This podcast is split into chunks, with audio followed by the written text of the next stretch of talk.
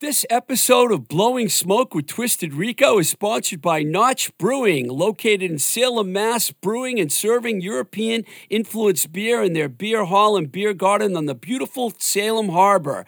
Notch just opened their second location at 525 Western Avenue in Brighton, Mass, just minutes from downtown Boston. The new Notch location also has a beer hall, a large beer garden, and an outdoor live performance and music space. They have a DJ spinning really cool vinyl as well. They will also be hosting live shows. Not only do you get some of the finest brews around, you can also enjoy live music in their outdoor venue. Notch's beer is available at retail throughout Mass and Rhode Island and also through mail order direct from Mass and PA. If you haven't tried Notch yet, it's about time you do. Get yourself a Notch beer, or better yet, head over to Notch Brewing and tell them Twisted Rico sent you.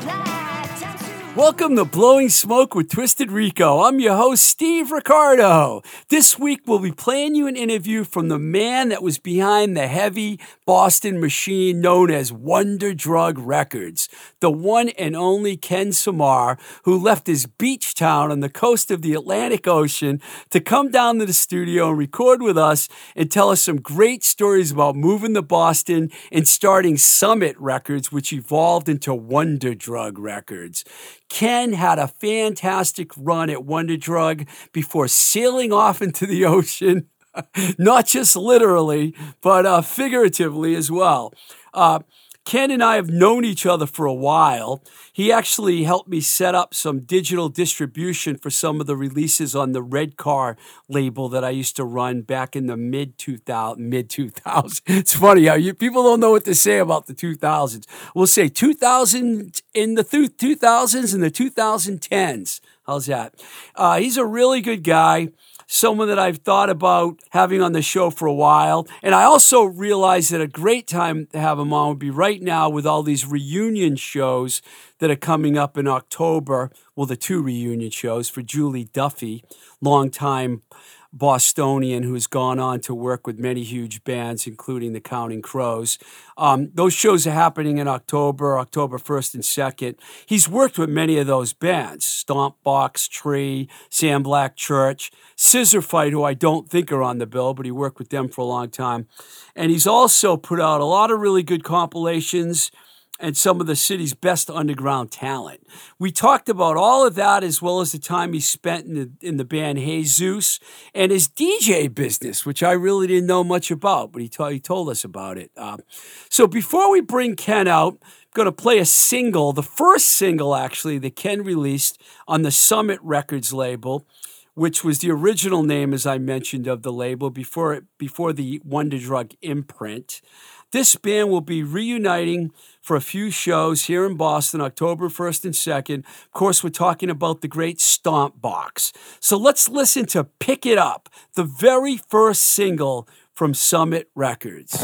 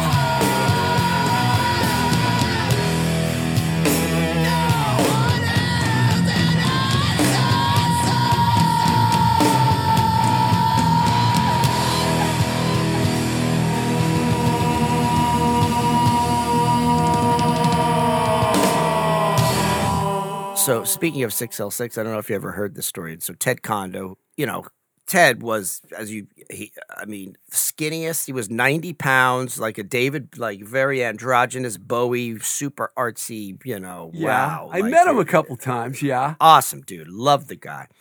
So he moved to New York to try to make it with 6L6 in the very late 90s. And, uh, you know, it, did- it never really worked out. So he started screwing around. Uh, September 11th, he was there. He was like downtown, right? The next day, he joined the Navy. What? Yeah. Ted Kondo. Yeah. Joined the Navy. So he couldn't have been that young then. How old was your? Uh, he was in the mid his mid twenties. Oh, maybe. he was that. He was pretty young. you know, Wow. maybe late twenties. But yeah, it affected him so much that he joined. Ted Kondo joined the Navy, and he's been a military guy ever since. He's like he's he bulked up. He like he you know he kind of went uh, little right wing. You know, not not to get into politics, but but but it was amazing how that Yeah, because we know you're such a right winger, Ken. yeah, oh yeah. so, but but but yeah, isn't that amazing? And I went to visit him in New Jersey, um, maybe five or six years after that, because he moved to New Jersey with his wife, and you know, great. I had a great time with them, and you know, but he's he it really affected him just seeing that happen, changed his life. I think that 9 11 changed a lot of people's lives. I was there on 9 9. Chili Kurtz had a show at the Knitting Factory, and we had this kid, Devin Irish, who was in this band called Roma, and mm. he never had been to New York. And I took him to the World Trade Center on 9 9. No we walked down there from the Knitting Factory. Wow. Two days later. Wow. So, Ken, so like you like retired now, living on a boat on, in, the, in the Atlantic Ocean or what? Uh, well, uh, I'm not uh, not quite retired, um, but uh, I actually changed careers recently. Uh, uh, yeah, I moved up to Plum Island uh, on the north coast of Massachusetts about four years ago, and uh, my parents live there, and uh, I. Uh, you know, I wanted to go and kind of be a little bit closer to them because they're getting older. And my father's a home inspector. That's what he did for 20 years. And I was looking, you know, I had really kind of, you know, uh, eased out of the music business, sort of, and I was looking for something else to do and to spend time with him. So I, uh, I, I got involved in his business. So that's what I'm doing right now. On my way after this, I'm going to Gardner, Massachusetts, to do a home inspection for a two-family house. Okay. Yeah, how about that? Talk huh? about throwing me a curveball. First, I got to say, I love Plum Island. You know, my good friends, uh, Ellie and Joe from the Charms live in Newburyport. So I'm always up there visiting them. And I love going to the refugee Yeah. up there. It's fantastic. Are you close to that? Well, yeah, that's the southern part of the island. Pretty I'm at the very north. I actually live in the old lighthouse keeper's house. Wha- Uh, so I- whoa, yeah, nice. Yeah, yeah, yeah. It's uh, it's a cool spot. I know that you post a lot of stuff, fit pictures on social media, fishing and things like that. So that's why um, the Atlantic seems to be like. Oh yeah, I you're the- love it, man. I always knew I was gonna, you know, live on the beach one day. I didn't think it would happen so quickly, but it did. Well, I lived on the beach in the early 90s, Marina Del Rey. I wish I could have flip flopped my life a little bit and I could be living on the beach now. So I'm envious of the fact. Now, you grew up in New York, Yeah, right? yeah. Whereabouts in New York? Uh, upstate New York, Carmel, New York, which is about 50 miles north of Manhattan, and um, on the Hudson River? no, no, no, more more east.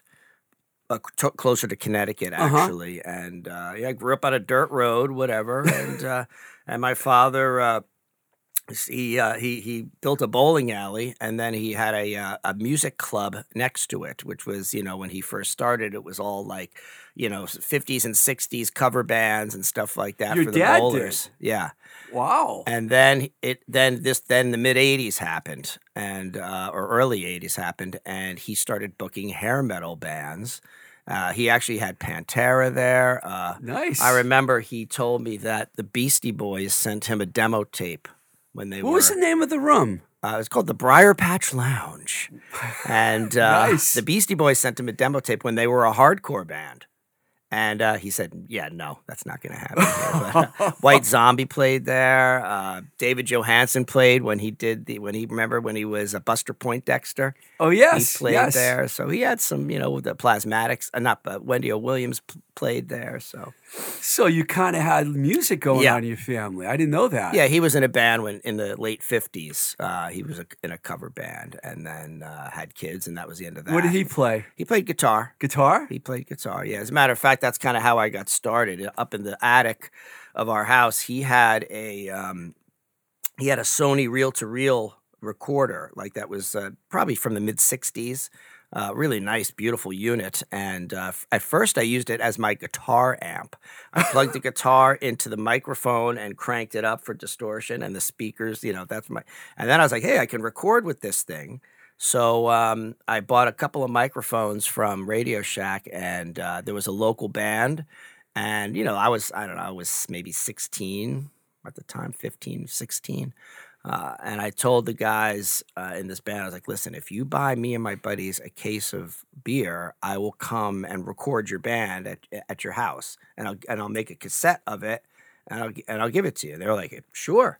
So I did. I showed up. I recorded them live, two track, and then I dubbed it down to a cassette and I gave it to him. And then they gave us a case of Molson Golden. That's what we drank. And I don't know why. And we Uh, were close to Canada. I was like, guess. I think I should. This is this is a good good way to make a living.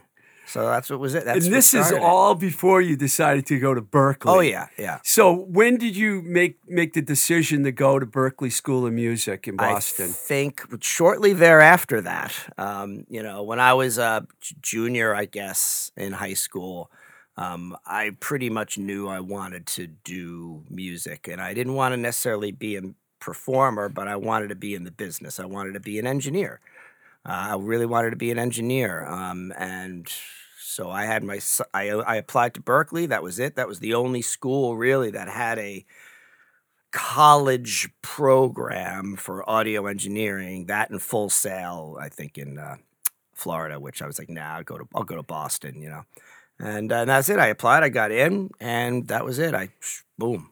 I'm always curious about this. Did you meet a lot of people when you were at Berklee that ended up having music careers or going bands Oh, or people that you end up knowing? Like, do you remember who some of the people? Oh, I'm still I'm still in touch with a lot of them. I still hang out with some of them. Uh, um, this guy John Title, he was my, my roommate. He is a uh, a sound designer in L.A. right now, and he's he works on all the big movies, and he's d- done that his entire career. Um, so that's just one example. You know, I know a lot of people that are you know have done have gone on to sound. Uh, Anyone that you ended up working with, like bands or musicians? Well, interestingly enough, let's here's a here's a good segue. Um, my friend Pat Gleespin, uh, who was a good friend of mine at Berklee, um, you know, we used to hang out, and he started a band, uh, Built Spear, and uh, Wow. and when I was at Berklee, you know, toward very pretty much towards the end. Um, I was like, you know, I really want to, I want to do something outside of school, and I want to produce something, and uh, uh, I convinced he, he had just started this band. I went to see him. I was like, oh, they're pretty good. And E- Eric Thaler, the singer, um, was interning at a recording studio. I can't even remember. so he was at it Berklee before you He- were. I don't think Eric went to Berklee. Did he go to Berklee? Oh, he did. Yes, he did. I don't know if he finished, but no, I I, I never there. saw him. I never. It was might have been right before me, uh, but, but but Pat was at Berklee, and um, and then Eric had was interning at the studio, and he had free time. So we were like, hey, let's. Why don't we go and record two songs? I'll do the engineering and production, and then you got you know I'll whatever. And they they I think they paid for the tape or whatever. It was two you know twenty four track, and uh, Do you remember what that was? where. Where you recorded? Ah, Jesus, I can't remember. I'm It's sorry not important.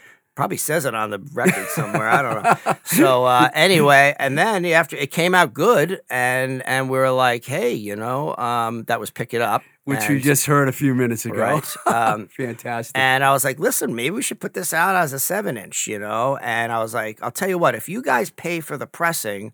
I'll take care of all the distribution and marketing and promotion. Meanwhile, I had no idea how to do any of that.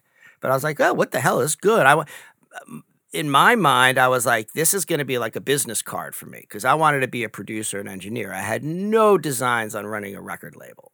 I didn't know how to do that. Really wasn't interested. I just wanted to be in the studio. And they were like, okay, great. So we made up this little ghetto contract and uh, signed it, and uh, God knows where that is.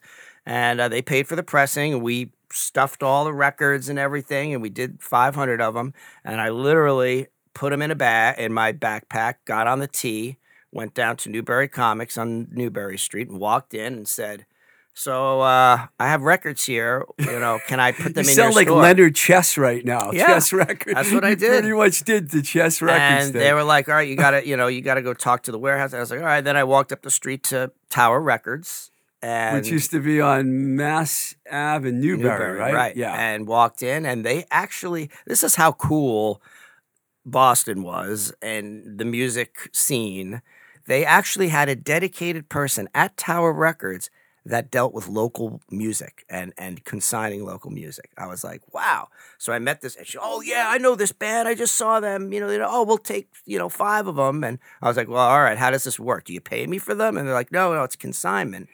You know, we'll pay them when you know pay you when they sell. I was like, all right, that sounds good. Then I walked out and I went to Mystery Train, and then I went to Looney Tunes, and then I got on the bus. I love it. went out to Harvard Square and did, did the same thing there. And all of a sudden, now my records are in stores. Yeah, I remember doing that a few times myself. That's the best way to do it, though. When Sure. you get to know the people at the stores and the chains. Summit, where did you come up with the name and when Oh, did yeah. it become Wonder Drug? Because Wonder Right. Drug's like the greatest name ever. Oh, you know thank that, you. right? That's So tell us how it went from Summit to Wonder Drug. Well, I lived on Summit Ave in Brookline, and literally, like, I was like, "Oh shit, I need a name for a." Uh, uh, oops, I'm sorry, I, I, I need a name for a record, record label. You know, oh, I live on Summit Ave. Okay, that's good. Put that just Summit, baby, straight to the top. You know, that was the whole like thing. You know, and then uh, and then a few years later, I get a knock. I literally I get a knock on my door. Right, and I open the door, and there's this guy. Are you are you Ken Smar, Summit Records? I'm like, yeah. He's like, here, and he served me some letter from Summit Records in Arizona, and they're a classical music label. I was like, I Wow. didn't even. So I like literally, I just called him right up. I was like, "Hey, man, you know, it's like I didn't know about you, and this is before the internet, of course. Yeah. and, you know, I, I don't care. I'll change my name, you know. But they were like, they sent like, you know, you need to cease production and destroy all of your product that has the Summit Records logo and pull it. I was like, I can't do that, you know. And they're like, and the guy, they were actually uh, very cool. They're like, well, we had no idea what, you know, just just sell all the remaining stuff you have. If you want to change your name, great. I was like, yeah, I'll change it. And um, how many how many titles actually came out on Summit? probably four or five, six, something like that. You know, the first, um, yeah, 6L6 and Honky Ball and, and stuff like that. I think I changed it before. Was Bruce Lee on or was that Yes, later? I think Really? that was maybe. It's the okay. Cassette. Yeah, I can't. I can't remember. Do Oh you do you have any of the uh, copies of the product with Summit, the Summit imprint? Well, I have the the Stomp Box seven inch. You know, uh, they they had to change their I name to want Stomp one. Box. I'm actually gonna bring. I have a few. I'm gonna bring them to the shows. You know, and Yeah. whatever. I'll give them give them away or sell them for a couple bucks or whoever. Yeah, I would love one of know. those, definitely. Uh, so, what about the names Wonder Drug? Because it's such a cool name. I remember I was living in, I was working at A&M Records when I first heard about Wonder Drug, and I'm like, what a great name for a label. Yeah, well, the idea is, you know, the mu- music is is the greatest drug of all, right? I mean, it's cures all your problems, and that was it. So it's like, oh, Wonder Drug, all right. So Wonder you Drug. can't, you thought of it. Yeah, Nice. yeah. I was probably, uh, yeah, I was probably uh, under the influence of, you know, something that was that made my my inf- my my uh, uh, you know. Um, brain uh, kind of think that way at the time if we should say but anyway Well, it was like the early, the late 80s, early 90s, pretty much, right? Well, mi- this was mid 90s. oh, this is already the mid 90s. Yeah. I think it was 94, 95 when I had to change it. Oh, that long? Oh, I didn't realize I started, that. so, so the Stomp Box record came out in 1990. Okay, yeah. So Summit actually existed for a few years. Yeah, 90 to 94, maybe. Yeah. Wow. Now, now I know you mentioned Stompbox and you mentioned Honky Ball. Who were some of the early band, other early bands that came into your world? And was it organic, where you just went to a show and you yeah, saw I just went and- to a show and I was saw, saw a band and and you know I, I would we got this the the rec the Stomp Box record printed up and I just went to this and I sat there with the table with the seven inches you know, hanging out, and people would, you know, coming up, and a few people were buying them, and and then I would watch the bands. I said, "Oh, but, the, but that band's good," you know, and I would talk to them afterwards. Do you and, uh, recall any of the bands? well, uh, definitely six L six, um, uh, Honky Ball, of course, um, and you know, and I saw bands like, uh, and then there was there was Seika. Remember Seika? Oh yeah, of course. and uh, I loved them, and uh, but they were involved with they got involved with Taang. you, you were in a bidding war with Taang Right? I wouldn't say I was I was in no no position to to bid anything. so uh, I heard uh, well we're talking to Taang. Oh okay, that's great. I was kind of surprised when I was looking at your catalog and I saw uh, on one of the comps you had a gangrene track, and I was wondering if you had to go through any ordeal to get that. that track. might have been one of I, I don't know if I It was on one of your compilations. yeah it might have been I did I did some other stuff where I was distributing music that wasn't on my label. Oh, so that had really yeah they weren't on the label no Yeah. but uh, the one kind of oddball on the label was and and honestly this is so important because that band Chucklehead. Do you remember Chucklehead? Oh, yeah, they were a funk band, and uh, somebody said, "Ken, I know you, you're into Parliament and Funkadelic. You should go check these guys out." And I saw them, and I was like, "Wow, these guys are really good," you know, and people love them. And they had just put out a CD, which was a big self self produced, Right. self not distributed, but self released CD. And they didn't know what the hell they were doing. And I said, "Hey guys, I just started this record label, and um, you know, I'm going. I'm already going to all of these stores. So why don't I just take your CD with me, and I'll put them in the stores?" And they're like, "Yeah, that sounds like that sounds great." So is that how the distribution company and that's started? how the distribution. Wow. And man, I'm telling you, Steve, it was like when I called up, you know, my buddies, you know, uh, at uh, Amy at uh, you know Newbury Comics or whatever, and I said, "Oh yeah," and I just picked up, you know, this other thing, a band called Chucklehead. And they're like, "Chucklehead." They're like, people have been coming and asking for that for months. And I'm like, oh, I have, you know, how many do you want? 15? They're like, no, bring us 200. What? And then I was like, "What?" and mind you, I was the deal I made was like, you know, I'll I'll give you guys seven bucks each, and I'll I'll I'll uh, sell them for nine to the stores, right? So I was like, wait a second, two two hundred times my profit of two that's four hundred dollars just to take a box of CDs from my. I still didn't have a car, so I had to take a, a cab or I got on the bus, you know. With the, with the box of CDs, Your rate was still good compared to bigger labels. Oh, sure. Two bucks per CD. So I'm on a the deal. bus, you know, the 57 or whatever, right. going down, uh, you know, uh, and and then I went to the warehouse and I and I was like, wow. And then like three two weeks later, they're like, oh, we need more. I was like, what?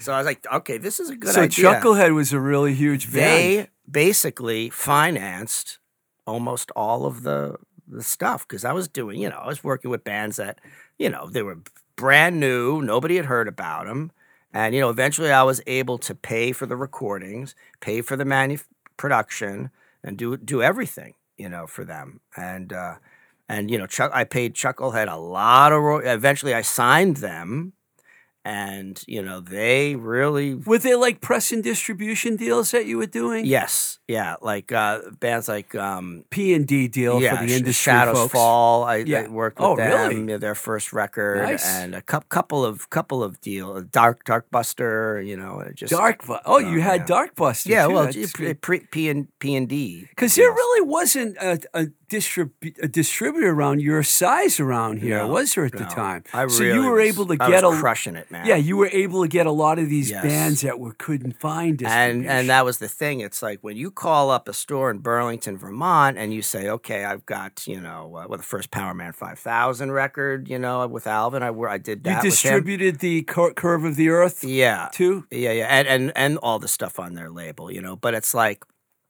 when you when you're talking to a record store and and you're like, okay, you know, they we, we're gonna sell Chucklehead, we're gonna sell Power Man, we're gonna sell this, this, and I was like, well, why don't you take like maybe three or four of this Honky Ball CD, you know, or or, whatever, or, Yeah. or Slug Hog. I know that game. And, and and you know, hey, if they don't sell, send them back. I don't care. But but why don't you just you just put them out on the because because you know they're because Honky Ball's playing there in two weeks, and maybe somebody and they're like, yeah, sure. Boop, boop. So that's how you get like the the lower the lesser name bands into the into distribution. You know, Were you already in the office? You're at thirteen twelve Boylston Street at that point. So I think I worked out of my apartment for about five years in Brookline. In Brookline, yes. Uh, basically, my coffee table was was boxes of CDs, you know, and um, and then I met Alvin, and and Alvin's like, hey, you know, we got this thing going on over here, and uh, of course, you know, I immediately hit it off with Alvin. I mean, who doesn't hit it off with exactly. Alvin? So uh, he brought me into this into this room about this size, almost exactly this size, I would say.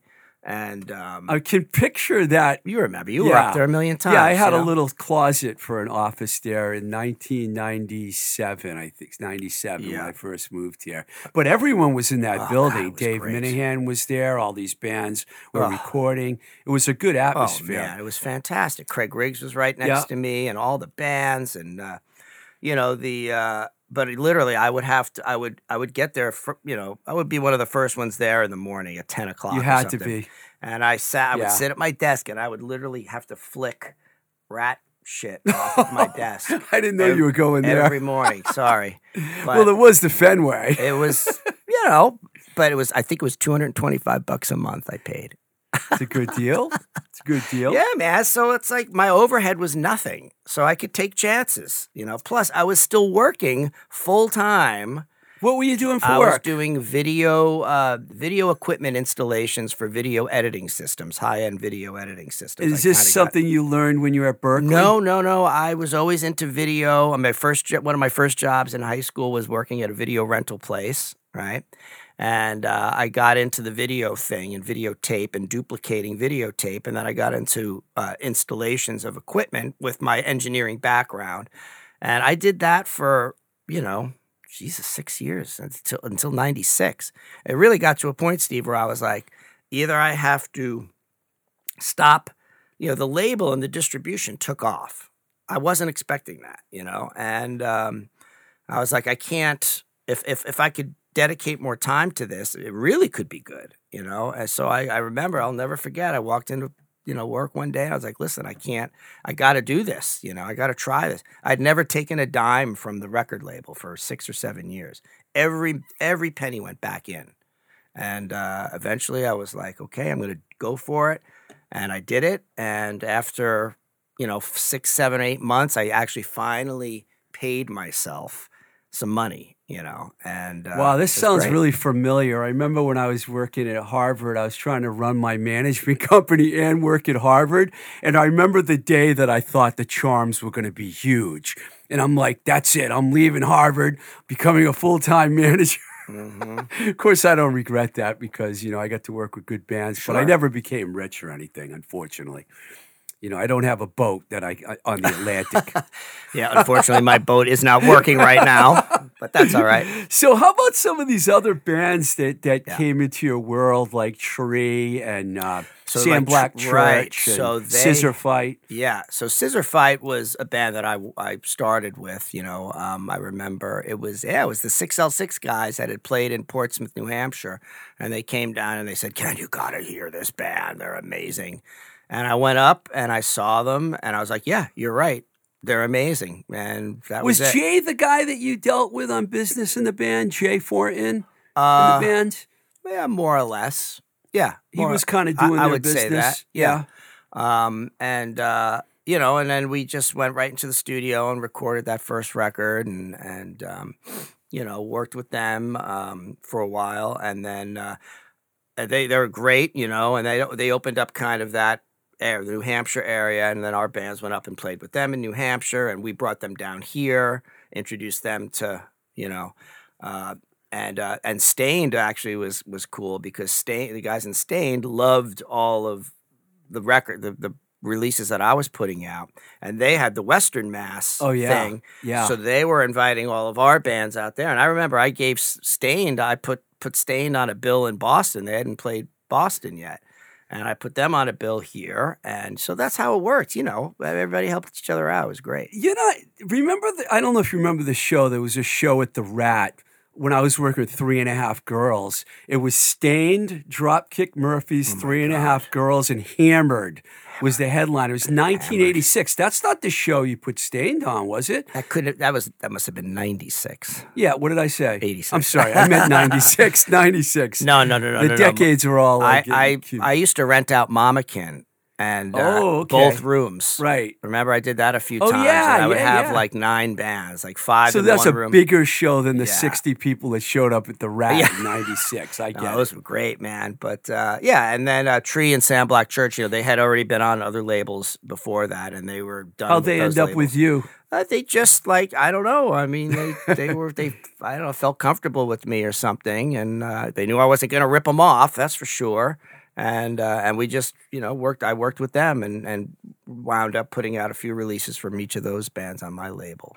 Yeah, you had a really strong roster. Is that why you had to bring the great Duncan Wilder Johnson in to like help you? You know. yep, absolutely. You know, I had a few awesome employees during the, during the years, and great interns and stuff like that. And you know, Mark Thompson, who went on to, He started a label yeah, too. he started a label, and, Yeah. and um, you know, just a, a bunch of a bunch of awesome, awesome people, you know, and uh, and really it kind By of that time, you were probably in Cambridge, right? You moved from Boston to Cambridge. no, no, no, I was still we were still in Boston, uh, just about to make the transition, I guess, you know, which was sad because we we all loved that place, and I had slowly started taking over rooms in that whole, you Yeah. know, for I just I, I mean missed every that building. anytime I, I was like Alvin, anytime something comes, just let me know first. I will. I don't care if it's a closet. I will take it because I needed space. You know. I remember when I was doing the Linwood for a year or two, uh, 99, 98, 99. And when you would leave the Linwood, you'd go over there and all the bands would be Oh, yeah. Oh loaded. And there'd be a party every my night. God, great New Usually parties. room or some, one of those rooms. yeah. You know, there were regular parties. That building was was fantastic. Uh, at some point, you took the uh, a few years later, you decided to take the rock star route, and you became the bass player in Jesus. You had a nice run with them. Uh, I don't want it. That video, th- Yeah. there was a girl that played Yeah. the lead. Well, that video was fantastic. I mean, you guys were pretty cool band. Yeah, I mean, it was what fun. made what what made you all of a sudden join a band? You started Well- the band, right? No, no, no, no, no. So, uh, so you know, to uh, the obviously the uh, you know the uh, the sad part of the story here is uh, when Napster started. Uh, and yeah. that really changed everything you know um, at that point you know my, my my label was was doing very very well as a matter of fact you know i don't know how much of this you want to get into but it's It was it's- like it's- '99. We're yeah, talking about. yeah it's okay. worth noting that uh, at, at one point i got approached by danny goldberg the uh, you know, Led- Atlantic. yeah Wow. atlantic you know led zeppelin swan Yeah, song you yeah. know he was he had been out of it for a while and he was coming back with artemis records and Oh. his his right hand man's daughter was going to BU, and she was a huge fan of all of the. You know, she'd come to every Wonder Drug showcase, every all the bands. She told her father. Her father came, and then he told Danny Goldberg, and we set up a showcase for Scissor Fight down at um, in New York. And I went down, and Danny came out, and Whoa. we hung out and we talked. And um, he's like, "All right, you know, I'm starting this label. I'd be interested in you being an A and R guy for the Northeast." And um, you know, I was like, "Okay." So I talked to my lawyer, and we put a little proposal I didn't know about Oh, yeah, this. this is this is pretty exciting, actually. I put a proposal together, sent it to him, and he's like, "Well, you know, I'm not going to get it. I don't want to get into all the details, but I ultimately said no. Um, I was doing so well myself, and what he was proposing, was more of a full time thing. well, which would have been fine, but just the way it was like, I would have had to relinquish my catalog. Oh, Yeah, Oh, and I was like, you know, I don't know if I want to do that, you know, and and and not only that, Did you here- think about he- selling the here label? was here was the worst part. He didn't want all of the artists. He only wanted a couple. So I was like, well, what about you know the other artists on my label? It's like, what am I going to tell them? That's a rough spot. So I was like, in. you know, I was like, you know what? I actually, and I, I walked away. I said no. I said I can't. I know I can't believe I'm saying no to to this guy, but I said no, and it was the smartest thing I've ever done in my life. because Because- of what happened. Yeah, I mean, he's he remember Kitty? yo, yeah, That was his yeah, first act, yeah. and then he did. He signed Boston. He was trying to get into these old heritage classic rock acts, and and unfortunately, he launched his label in like 2001, Ugh.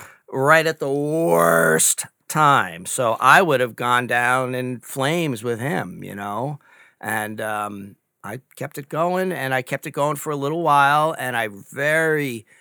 I was watching all the peer my peers. There's a lot of other record labels around Boston at the time, and I was watching Sad them time. just because they weren't, you know, Well, I tried doing Red Car Records and it turned into a complete failure. We couldn't. I have. I still have boxes of CDs. You know, I- you just couldn't sell them anymore. I no one wanted them. people just you know i just have to remind people of, of this time like you know i remember talking to my buyer at Newbury Comics you know and we were doing just gangbusters at Newbury Comics you can't imagine i mean how much how many records we were selling every week at a new just Newbury and they had what 20 something Yeah.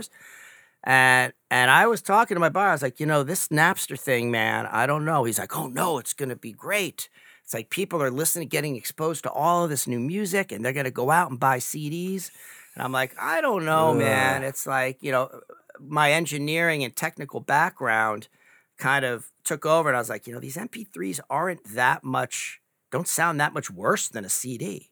It's like, why would people go buy a CD if they, and I was thinking, and you know, I hate to say it, but man, I was, I was right. But there was a lot of people that actually had that attitude, like, you know, oh, this is going to be good. Pe- people are going to get exposed to all this new music, you know?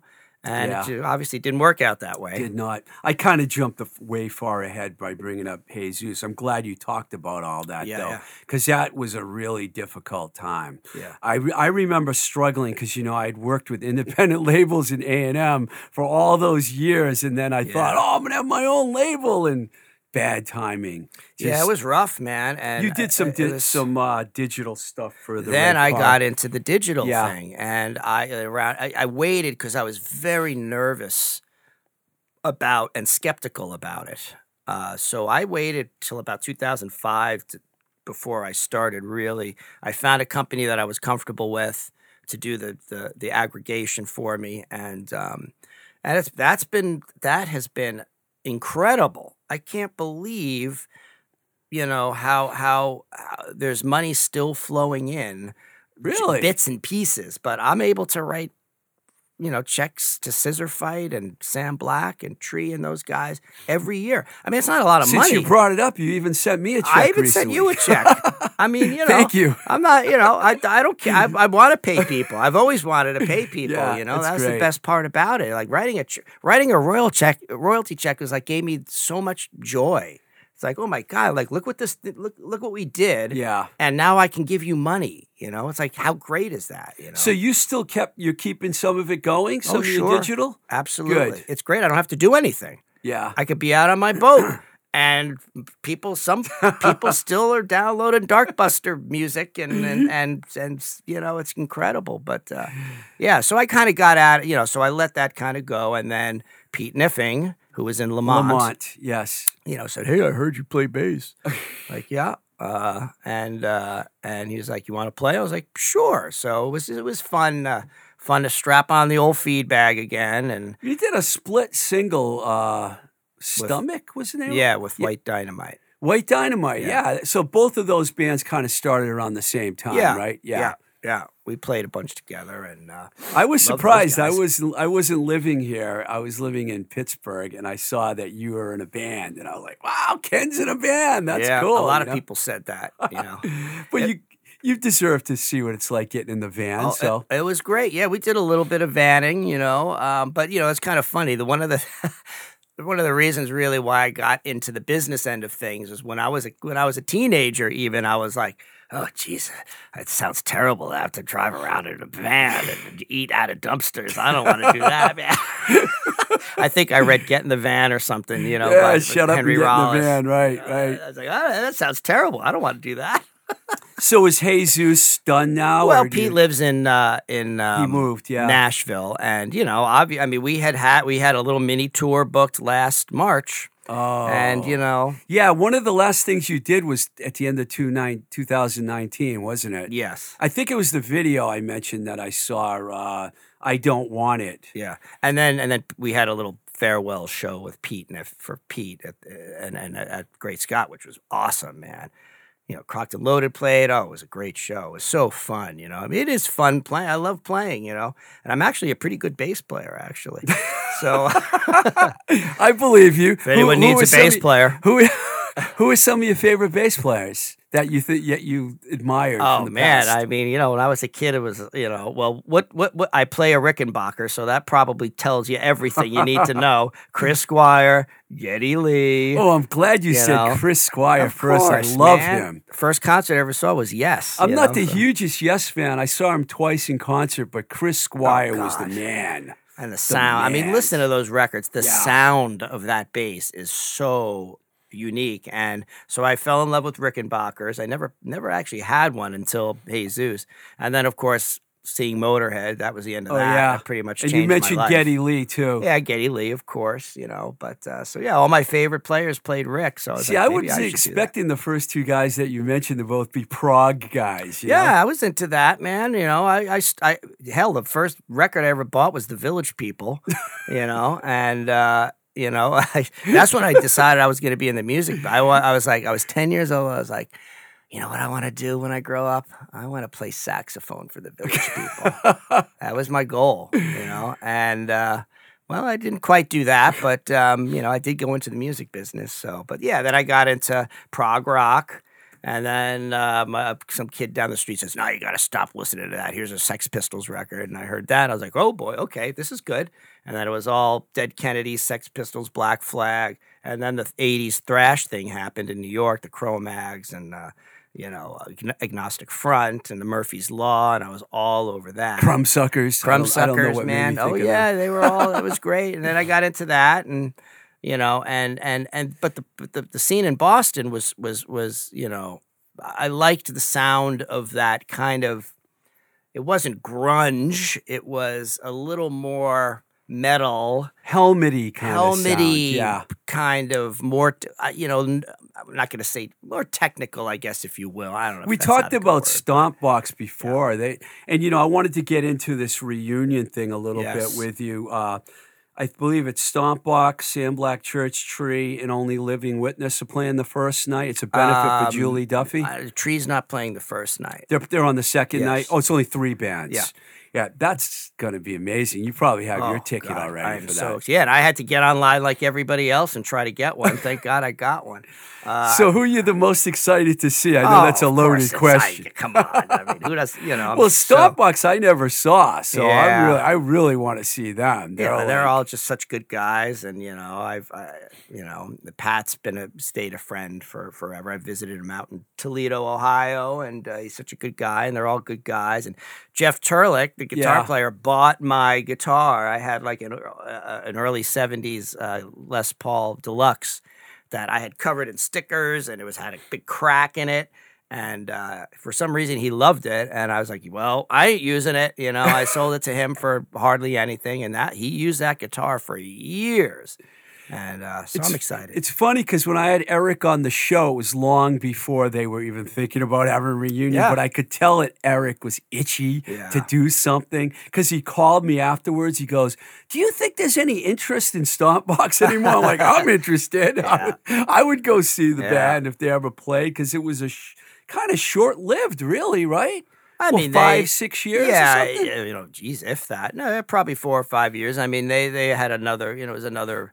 I mean, there's all whatever. Eric told you what happened, but Yeah. you know, the I uh, saw Decon though many yeah, times. they yeah. were really good. Yeah. They were good, but uh, you know, I, I mean, Jeff Turlick is such a great guitar player. Zeff's a great. I mean, they're great musicians, so it's good. They're good. It's going to be great. I really, I'm I'm feeling good about it. I got to ask you about one more thing because I did not know about this. I did not know that you had a DJ career. Oh yeah, and I found your website and I saw that you, you know, you you played at Duncan Wilder Johnson's wedding. I did. and I mean, I mean, I'm sure you had to do that. Yeah. I love Duncan, by the way. He's Yeah. been on the show a couple times, and we're doing another show together that hasn't been released yet. Yeah. And we're going to concentrate on individual bands. You'll like it. It's we're going to geek out big time. So Are you still doing the DJ thing, or is that like? Yeah. So you just? I mean, obviously, again, the past year and a half is, is I mean, I was DJing at a couple places here in Boston, the Model and uh, Brass Union down the street, and then you know the pandemic hit, and that was the end of that. And the uh, private thing. You, so Yeah, people sure. want to hire you, they Oh, can just go to your website. yeah, sure. It's just DJ Ken Samar, right? Yeah, that's it. Yeah, yeah. dot or, com. or find me on Facebook or whatever, you know. Uh, but yeah, I do a bunch of weddings. I've done weddings and I've done crazy. I did an '80s Caddyshack theme party recently, which was a lot of fun actually, and uh, all vinyl, of course. You know, and uh, and that's just been fun. You know, just uh, I love playing records, man. I love yeah, playing records are great, people. man. Well, listen, thanks a lot, man, for taking the time to come down here. You know, My pleasure. And uh, I was really happy when you said you wanted to do the show. So I, I mean, you've done a lot in the Boston music scene. You know, and everyone knows you. You're a good guy, and whatever you do in the future, man, or whether it's fishing or or what was it called? So you sell like you the home house- inspections. Yeah. home inspection. Yes, I'll be crawling around a basement in about an hour from now. Well, um, whatever it is, I wish you the best of luck, man. You've done a lot for the Boston music and just the music scene in general. Right so, on. Thank you, Steve, and thanks, Nash. yeah, thank you, man.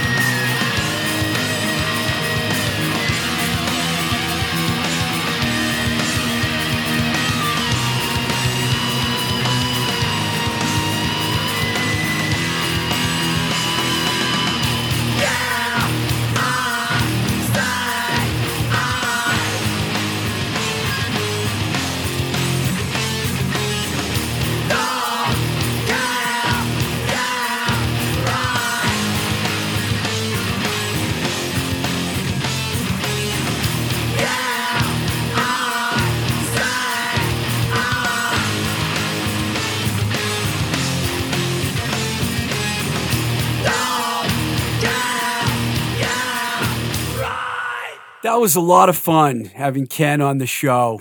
Thank you. Thank you, Ken, for coming down. It's, it must be hard to leave the beach to come and hang out in the studio on a hot day in, in, in August in Somerville, but he did it. Uh, the song you just heard, actually, at the end, you heard that story about 6L6 at the beginning. Well, we just played you uh, Yeah Right from the 1994 four Superstar EP on the Summit label, uh, which, as you heard earlier, became Wonder Drug. Wonder Drug Records. Uh, it's always nice to talk to Ken, who looked really nice and tan from living at the beach. I'm very, very jealous. Where he lives up in Plum Island is a fantastic part of Mass on the North Shore of Boston. Really nice.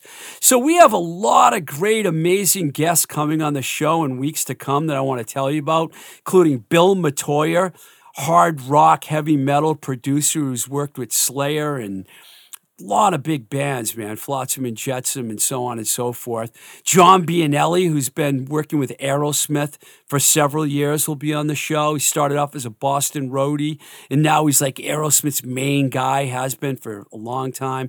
Hilken Mancini, uh, who's like was in the band Fuzzy and is really known for punk rock aerobics, which she started a long time ago and it's still going strong. She also has a really cool thrift shop. She'll tell us all about that. Rob Patillo, aka Robbie Road Steamer, is going to be on the show. He worked on that Chyna documentary, the WWE uh, wrestling star Chyna. Jon Butcher, who recently confirms got five records on major labels and one of Boston's great guitar players. So he'll be fun to talk to. He'll be down. And those are just some of the confirmed guests. I mean, there's a lot more people coming. Uh, you know, if you want to go back and listen to some of the old shows, you can do that. They're all out there on Spotify, Apple, Anchor, Google Podcasts, Podchaser, etc., Breaker. A lot of good places to listen to podcasts. Um, my shows are all over the place, so check them out. I want to thank all the people that uh, are patrons for the show at patreon.com forward slash twisted rico. Uh, I really appreciate your support. Also, you can write to me at twistedrico at gmail.com. We have an Instagram page at Blowing Smoke with TR, a Twitter page at Blowing Smoke BS, also Facebook, uh, YouTube page, which you can subscribe to. Last time I looked, there were 99 subscribers. You could be number 100 if you go on that page and subscribe. uh, I want to thank Mike Nash here at Voice Motel for engineering the show, as he has been for a while, and engineering a lot of really good shows, including Seems to Me with Sibylline Seriano, which we're going to have out every week starting this coming week, if you're listening now. Um, you could check out that podcast. And also, there's a new podcast coming that I'll be doing with Duncan Wilder Johnson, Mr. Spoken Word and heavy metal dude himself. That's, that one's called We're Coming for Your Band. That should be debuting sometime in September. All right. Till the next time we say goodbye. This is Blowing Smoke with Twisted Rico. And I'm your host, Steve Ricardo. Keep the rock and roll alive.